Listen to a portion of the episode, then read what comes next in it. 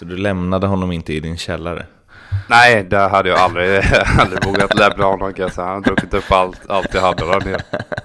Han är också en riktigt bra camping-aura faktiskt. Han Ja, ja, han, Ja, han hugger det, ner en skog och bygger en hydda på en kväll. exakt, är det någon person, och nu menar jag allvar, det är någon person som jag hade velat ha med mig i krig för att överleva två dagar ute i skogen så är det Petter Hansson. Där kan jag säga, där är det inte svårt att slänga upp ett stormkök för honom. Jag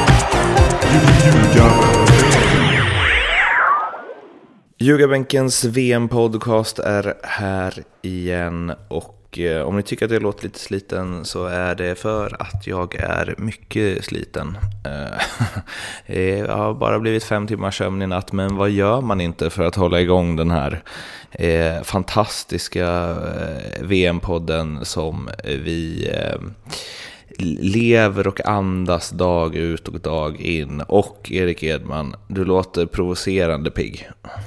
Ja, jag har haft en god nattsömn här. Jag är eh, i, mitt, eh, i min hemby Habo. Eh, ganska nära Skillingaryd nu. Micke, Micke Svenssons härliga Skillingaryd som jag hånade på Facebook där. Men det Just var det. ironiskt såklart. Eh, också, var inte Petter Hansson hos dig och hälsade på? och du åkte därifrån? Ja, men han drog upp till eh, Öland där och skulle eh, campa lite några dagar och sen är det elitpojklägret nästa vecka. Så han är tillbaka på västkusten snart. Okej, Så du lämnade honom inte i din källare? Nej, det hade jag aldrig, aldrig vågat lämna honom kan jag säga. Han har druckit upp allt, allt jag hade där nere. Han är också en riktigt bra camping-aura faktiskt. Han Ja, känns han, Ja, han men är hugger det, ner en skog och bygger en hydda på en kväll. exakt, är det någon person, och nu menar jag allvar, det är någon person som jag hade velat ha med mig i krig för att överleva två dagar ute i skogen så är det Petter Hansson. Där kan jag säga, där är det inte svårt att slänga upp ett stormkök för honom. Jag rör. Också att han är... eh, Han behöver inte ens leta rätt på de här grejerna som går att äta. Jag tänker att han bara äter kottar och grejer.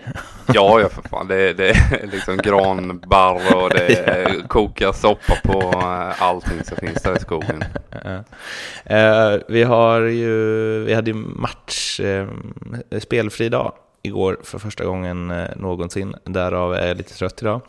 Eh, men, för jag, jag var inte spelfri igår. Eh, men fyra åttondelar tänkte vi att vi går igenom nu och sen så när de är klara så eh, går vi igenom resterande fyra. Och den vi börjar med idag är Frankrike-Argentina som spelas om cirka åtta timmar. Eh, Frankrike som vann sin grupp före Danmark. De tog sju poäng, två vinster, en oavgjord. Eh, och Den oavgjorda var ju då i sista matchen mot eh, Danmark där. Ja, den fick väl konkurrens av England, Belgien, men otroligt tråkig match. Argentina å sin sida, där blev eh, Rojo hjälte med 4-5 minuter kvar av sista gruppspelsmatchen mot Nigeria, där han sköt in 2-1 och tog Argentina vidare som grupp två bakom Kroatien som ju kammade hem samtliga nio poäng där. Ett lättat Argentina som inte alls har funkat mot ett lite mindre lättat eh, eftersom det var, det var klart eh, tidigare. Frankrike, men som in, de har ju inte funkat de heller. Frankrike har gjort det som har krävts av dem men absolut inte någonting mer och eh, många hyllar Frankrike som, som ett av eh, de större länderna och större chanserna att kunna ta hem det där VM-slutspelet. Men jag tror man baserar det väldigt mycket på eh, spelarnas individuella kvaliteter och de klubbtillhörigheter de har. Eh, som lag funkar de inte eh, ja, optimalt skulle jag säga. Och Eh, ofta en framgångsfaktor för eh, landslag är ju att man har de här klubbblocken, typ eh, tyskarna när de vann med Bayern München. Spanien när de vann 2010 med, med Real och Barca block, liksom när många spelare eh, spelar tillsammans. Det har inte Frankrike, de är utspridda över hela Europa. Spelar i stora klubbar men har inte fått till det spelmässigt på väldigt länge, utan de vinner ofta matcherna för att de någonstans individuellt ofta är det bättre laget. Men eh, spelmässigt så är det inget samkört lag. Jag skulle säga att jag är mer förvånad över att de inte funkar än att Argentina inte funkar eh, faktiskt. Eh, men Argentina har ju också haft, eh, ja, de har ju hur många offensiva världsstjärnor som helst. Men jag såg en eh, såg mycket intressant Twitter-tråd om dem. Eh, jag vet inte om du såg den, någon eh, brittisk journalist tror jag som gick igenom hur hur hög press de har på sig och att de alltid så ses som den misslyckade generationen. Så vi kan väl nämna att sedan 2011 har de deltagit i tre mästerskap och eh, inte... Eh, det var ju något helt eh, knasigt. De har ju inte förlorat på ordinarie tid förrän matchen mot Kroatien i det här VMet, tror jag att han var ute efter. Och de ehm, har ju gått till final i Copa America, VM, Copa America och där har de i alla fall inte förlorat under ordinarie tid utan två straffförluster mot Chile i Copa America och en övertidsförlust mot eh, Tyskland i VM eh, senast. Och där kan vara verkligen så, ja visst, de har en bländande offensiv och sen har de Mascherano, men i ärlighetens namn så finns det inte så mycket mer bakom det. Eh, och att då ha presterat som de har gjort och det är liksom någon spark hit eller dit som hade kunnat bli en Copa America eller ett VM-guld istället. Eh, att de menar att det liksom ringar in hur, vad säger man, eh, ja men hur så här svart eller vitt allt blir i media. Och att, att den här årgången egentligen har gjort det otroligt bra, bara att de inte vunnit. Ja, de har levererat med tanke på de eh, förutsättningar som, som finns. Eh, nej, men det är klart att det är så. Det är ju alltid så att eh, ett, ett, ett guld, en titel definierar dig som person eller som, som generation. Som, som nationalister är inne på då. Men tittar du mer om du bryter ut det här gruppspelet nu. Mm. Så har det varit, och nu, nu, nu håller jag fan inte igen alltså. För det där var fruktansvärt dåligt spel hittills av Argentina. Island tyckte jag det fanns okej okay saker. Eh, nu, nu, den matchen skulle de ha vunnit. Island försvarar sig heroiskt och så vidare. Kroatien bedrövligt spel och mot Nigeria. Jag satt nästan och var upprörd över hur, hur liksom ändå bra spelare kan göra så otroligt mycket enkla passningsmisstag och ja, allting ska gå genom Messi. Det, det liksom blir liksom parodiskt att se där, där liksom toppspelare ger honom bollen på 2-3 meter. De visat och gnällde i, när, när Zlatan skulle ha bollen i tid och otur. Det är ingenting alltså. Messi ska ha den hela tiden när han kommer ner och hämtar och han gör precis som han vill. Um, alltså han rör sig i de ytorna han helt och hållet vill istället för att överlåta uppbyggnadsspel uh, till andra och placera sig högre upp i planen och vänta på läget som han kanske gjorde då mot Nigeria första målet. Va? Men när han blir frustrerad då ska han ner och hämta och, och plocka bollen. Sen, sen, sen, är det ju definitivt sant att försvaret och målvakterna har varit riktigt dåliga. Eh, Mascherano är trött tycker jag. Jag tycker han, han eh, var, var rent ut sagt svag mot Nigeria. Så att, eh, men, men möjligtvis att man eh, nu då känner att den här pressen, lite, lite hemmatrycket, att man ska liksom leverera. Att, att nu, nu tog man sig ändå vidare. Nu har man en match där man för första gången kanske på väldigt länge inte är favorit. Mm.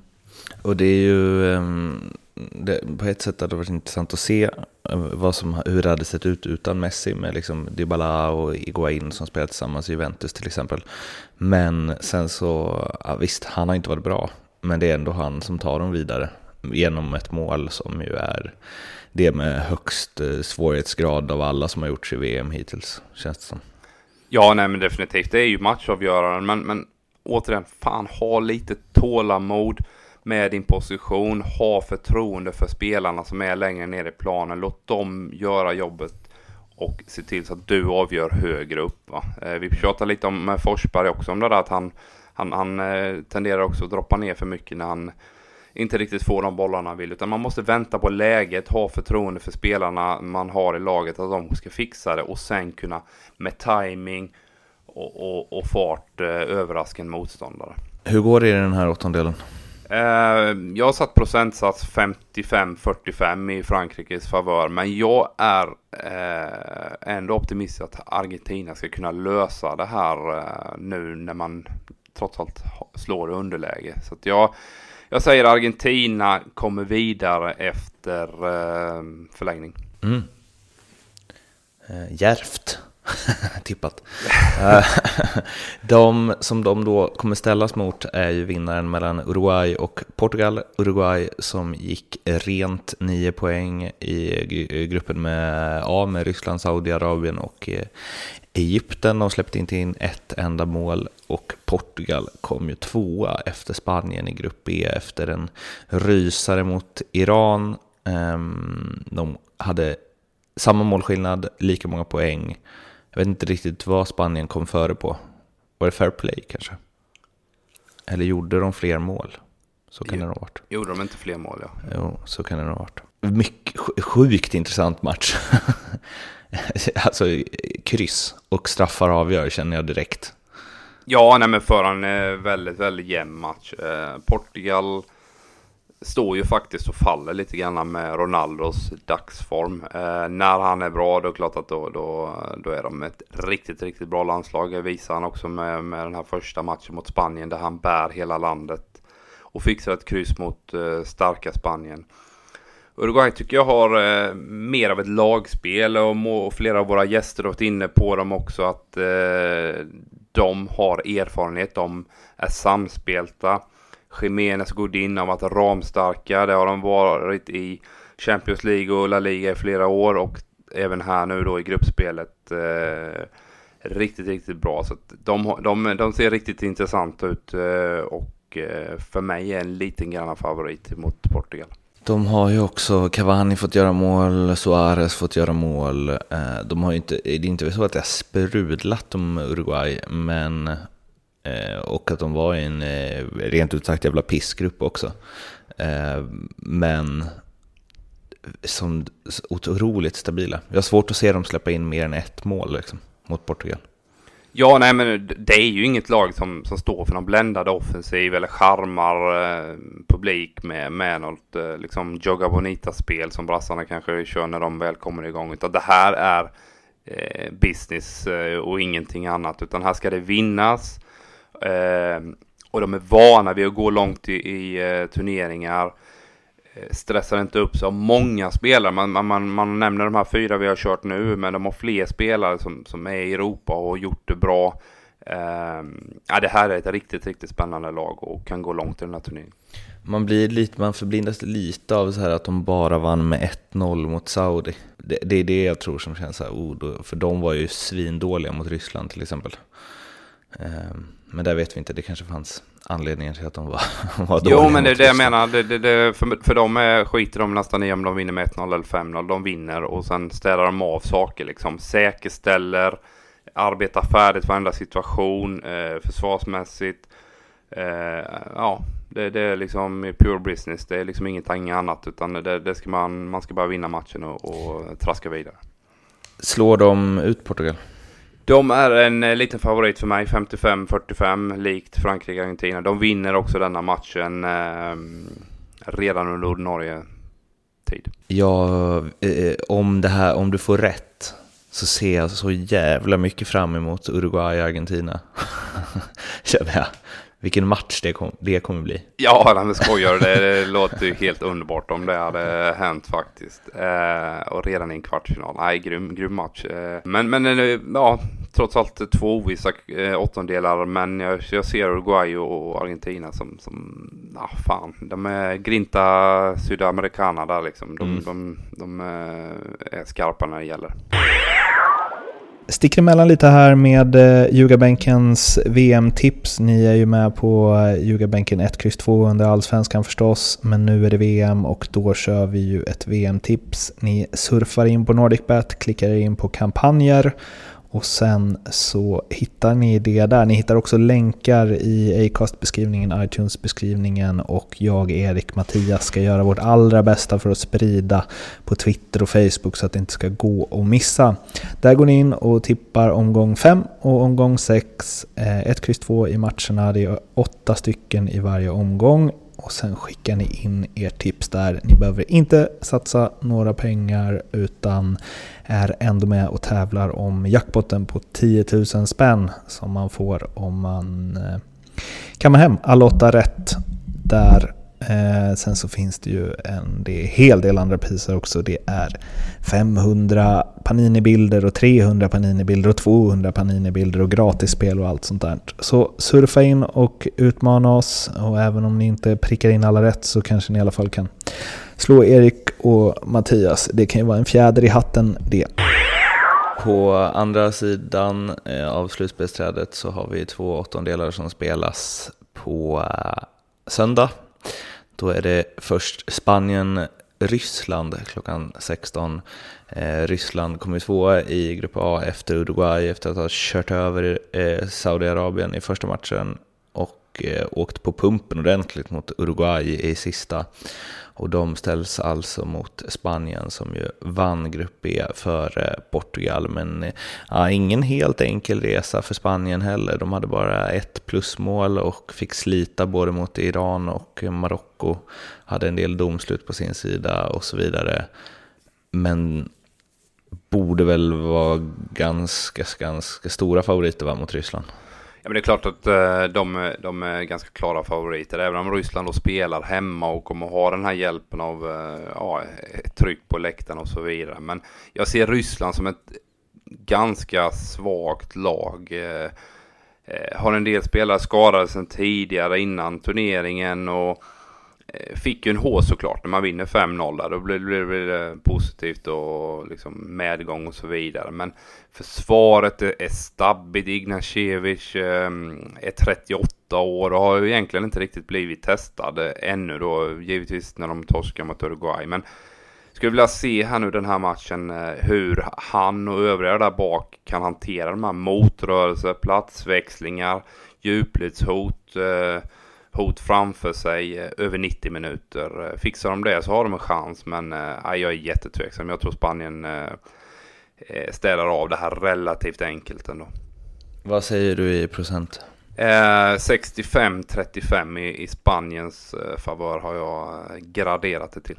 Där måste jag ju säga att jag trodde att det skulle vara mer, men jag känner också att, eller jag är nyfiken på det här, för att liksom, vi har varit inne på det tidigare, att liksom Tunisien pressade England och Island pressade alla och Schweiz kryssade mot Brasilien och det här att bara för att du trycker ihop massa stjärnor i ett lag behöver, behöver inte det betyda så himla mycket i ett VM för att man är inte samspelta och, och så vidare. Och du kan försvara dig till ganska ja, du kan komma ganska långt på det. Liksom. Eh, nu har de ändå spelat tre matcher tillsammans, som i Spaniens fall.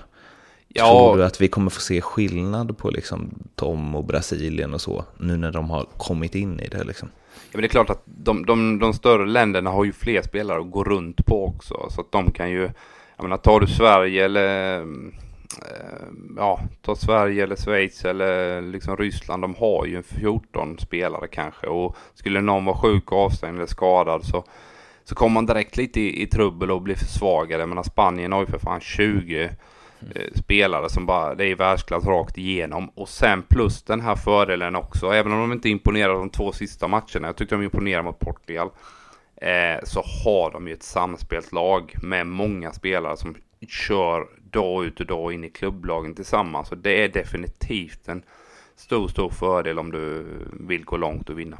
På söndag kväll kommer jag eh, befinna mig i Köpenhamn på något torg eller tivoli eller något och eh, bevittna Kroatien-Danmark. Jag räknar med en eh, jävla fest, i alla fall ett litet tag. Sen så räknar jag med att eh, Kroatien, eh, utan att förta sig allt för mycket, slår ut Danmark. Eh, det är svårt att se något annat va? Ja men det är klart, eh, Kroatien är ju ett av de länderna som faktiskt har imponerat mest av alla i den här turneringen. Eh, det, de har ju gått rent hittills också. Ja. Med Argentina, Nigeria, Island som på förhand eh, var kanske den svåraste gruppen i hela VM. Ja, och så ett mittfält med Modric, Rakitic då framförallt som regissörer där. Mandzukic längst fram och övriga spelare också. Eh, spelare som spelar i bra klubbar och imponerar ju liksom med den här produktionen av spelare hela tiden. Det är ju makalöst till ett litet land som Kroatien som får fram så jädra mycket bra spelare. Eh, hade stökigt eh, i kvalet, man bytte förbundskapten och eh, tog sig vidare eh, via playoffet då va? men, men eh, nu känns de ju väldigt, väldigt intressanta och eh, nej, de, de har övertygat stort här tycker jag. Och Danmark har inte riktigt fått till det spelmässigt. Eriksson eh, behöver ju vara den här regissören och den som saker och ting ska kretsa till. Men jag tycker inte Danmark imponerat på mig. Vad säger du att eh, procenten är här? jag, jag graderar till 60-40 i Kroatiens favör. Eh, jag tycker i Danmark, om du tittar spelare för spelare, så har de ett spännande lag som definitivt kommer kunna störa Kroatien om de får till ett bra försvarsspel och även då kan, eh, kan störa dem eh, med ett bättre anfallsspel än vad vi har sett hittills. Om vi ska gå händelserna i förväg lite så kan ju Sverige starta på ett Kroatien i en semifinal om eh, vi Ja, det får vi verkligen hoppas att det blir så. Men om vi går dit. Det, för det jag tänker med det laget, jag tänker nästan att det är det svåraste motstånd Sverige kan få.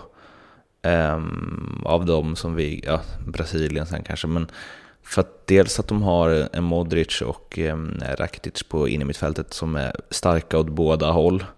Uh, att de har väldigt många så här, offensiva, trixiga spelare som Brozovic och Perisic till exempel på kanterna. Men de har också en liksom Mandzukic som faktiskt kan vinna varenda duell mot Granqvist och Lindelöf. Uh, de har sån oerhörd liksom det, det känns som att de är så både svåra att anfalla på, men framförallt svåra att försvara sig mot för att de har så många grejer som de är bra på. De kanske inte är bäst i världen på något av dem, men de är liksom topp på mycket. Ja, nej, men du säger, de, de är ju väldigt breda. De, de kan hantera och ligga lägre och försvara och, vara skarpa i omställningsspel, men även att driva en matchbild. Så att eh, definitivt en outsider att kunna gå väldigt långt och kanske till och med en final om det verkligen då eh, faller eh, på plats. Det är väl 60-40 är lite fegt va? Ja, du tycker att, eh, ja, att jag har det för lågt där? 70-30 ja. hade du velat upp. Ja, men vad fan, Danmark kan störa dem och eh, ja, jag, jag, jag, känner ändå att Danmark har en okej okay chans här. Så att jag, jag kan ge 65-35 då. Det kan jag sträcka mig till Mårten. 65-35 va? Ja. Vad sa jag då? 65-45. okay. du, du ändrade inte Danmarks, men Nej, du ökade Kroatiens chanser. ja, det är rätt. Det är alltså de fyra åttondelar som eh, spelas nu under lördag, söndag. Sen så när de är eh, spelade så Eh, kommer vi summera dem och snacka de kommande, eh, eller de eh, resterande fyra då, där ju Sverige, Schweiz är en, Colombia, England är en av dem och sen så är det Belgien, Japan och Brasilien, Mexiko på den andra sidan av slutspelsträdet. Vill också säga att imorgon så kommer en podd med eh, Alvaro Santos, den gamla HFN, där vi pratar eh, mycket Brasilien inför deras åttondel mot Mexiko. Och vi pratar också om många fina minnen från hans karriär i Sverige. Och sen så var det någon tunnel där också i ligan som är väl värd att lyssna på. Eller vad säger du Erik? Vi kan väl ta upp det imorgon då. ja, vi tar upp det imorgon. Ni följer oss på eh, Facebook, Twitter, Instagram, eh, prenumererar på Acast och iTunes hoppas vi, då blir vi glada. Och sen så är det ju bara att höra av er med eh, vad ni tycker och tänker om den här podden. Eh, vi hörs igen i morgon som sagt och tills dess, ha det fint, hej! Hej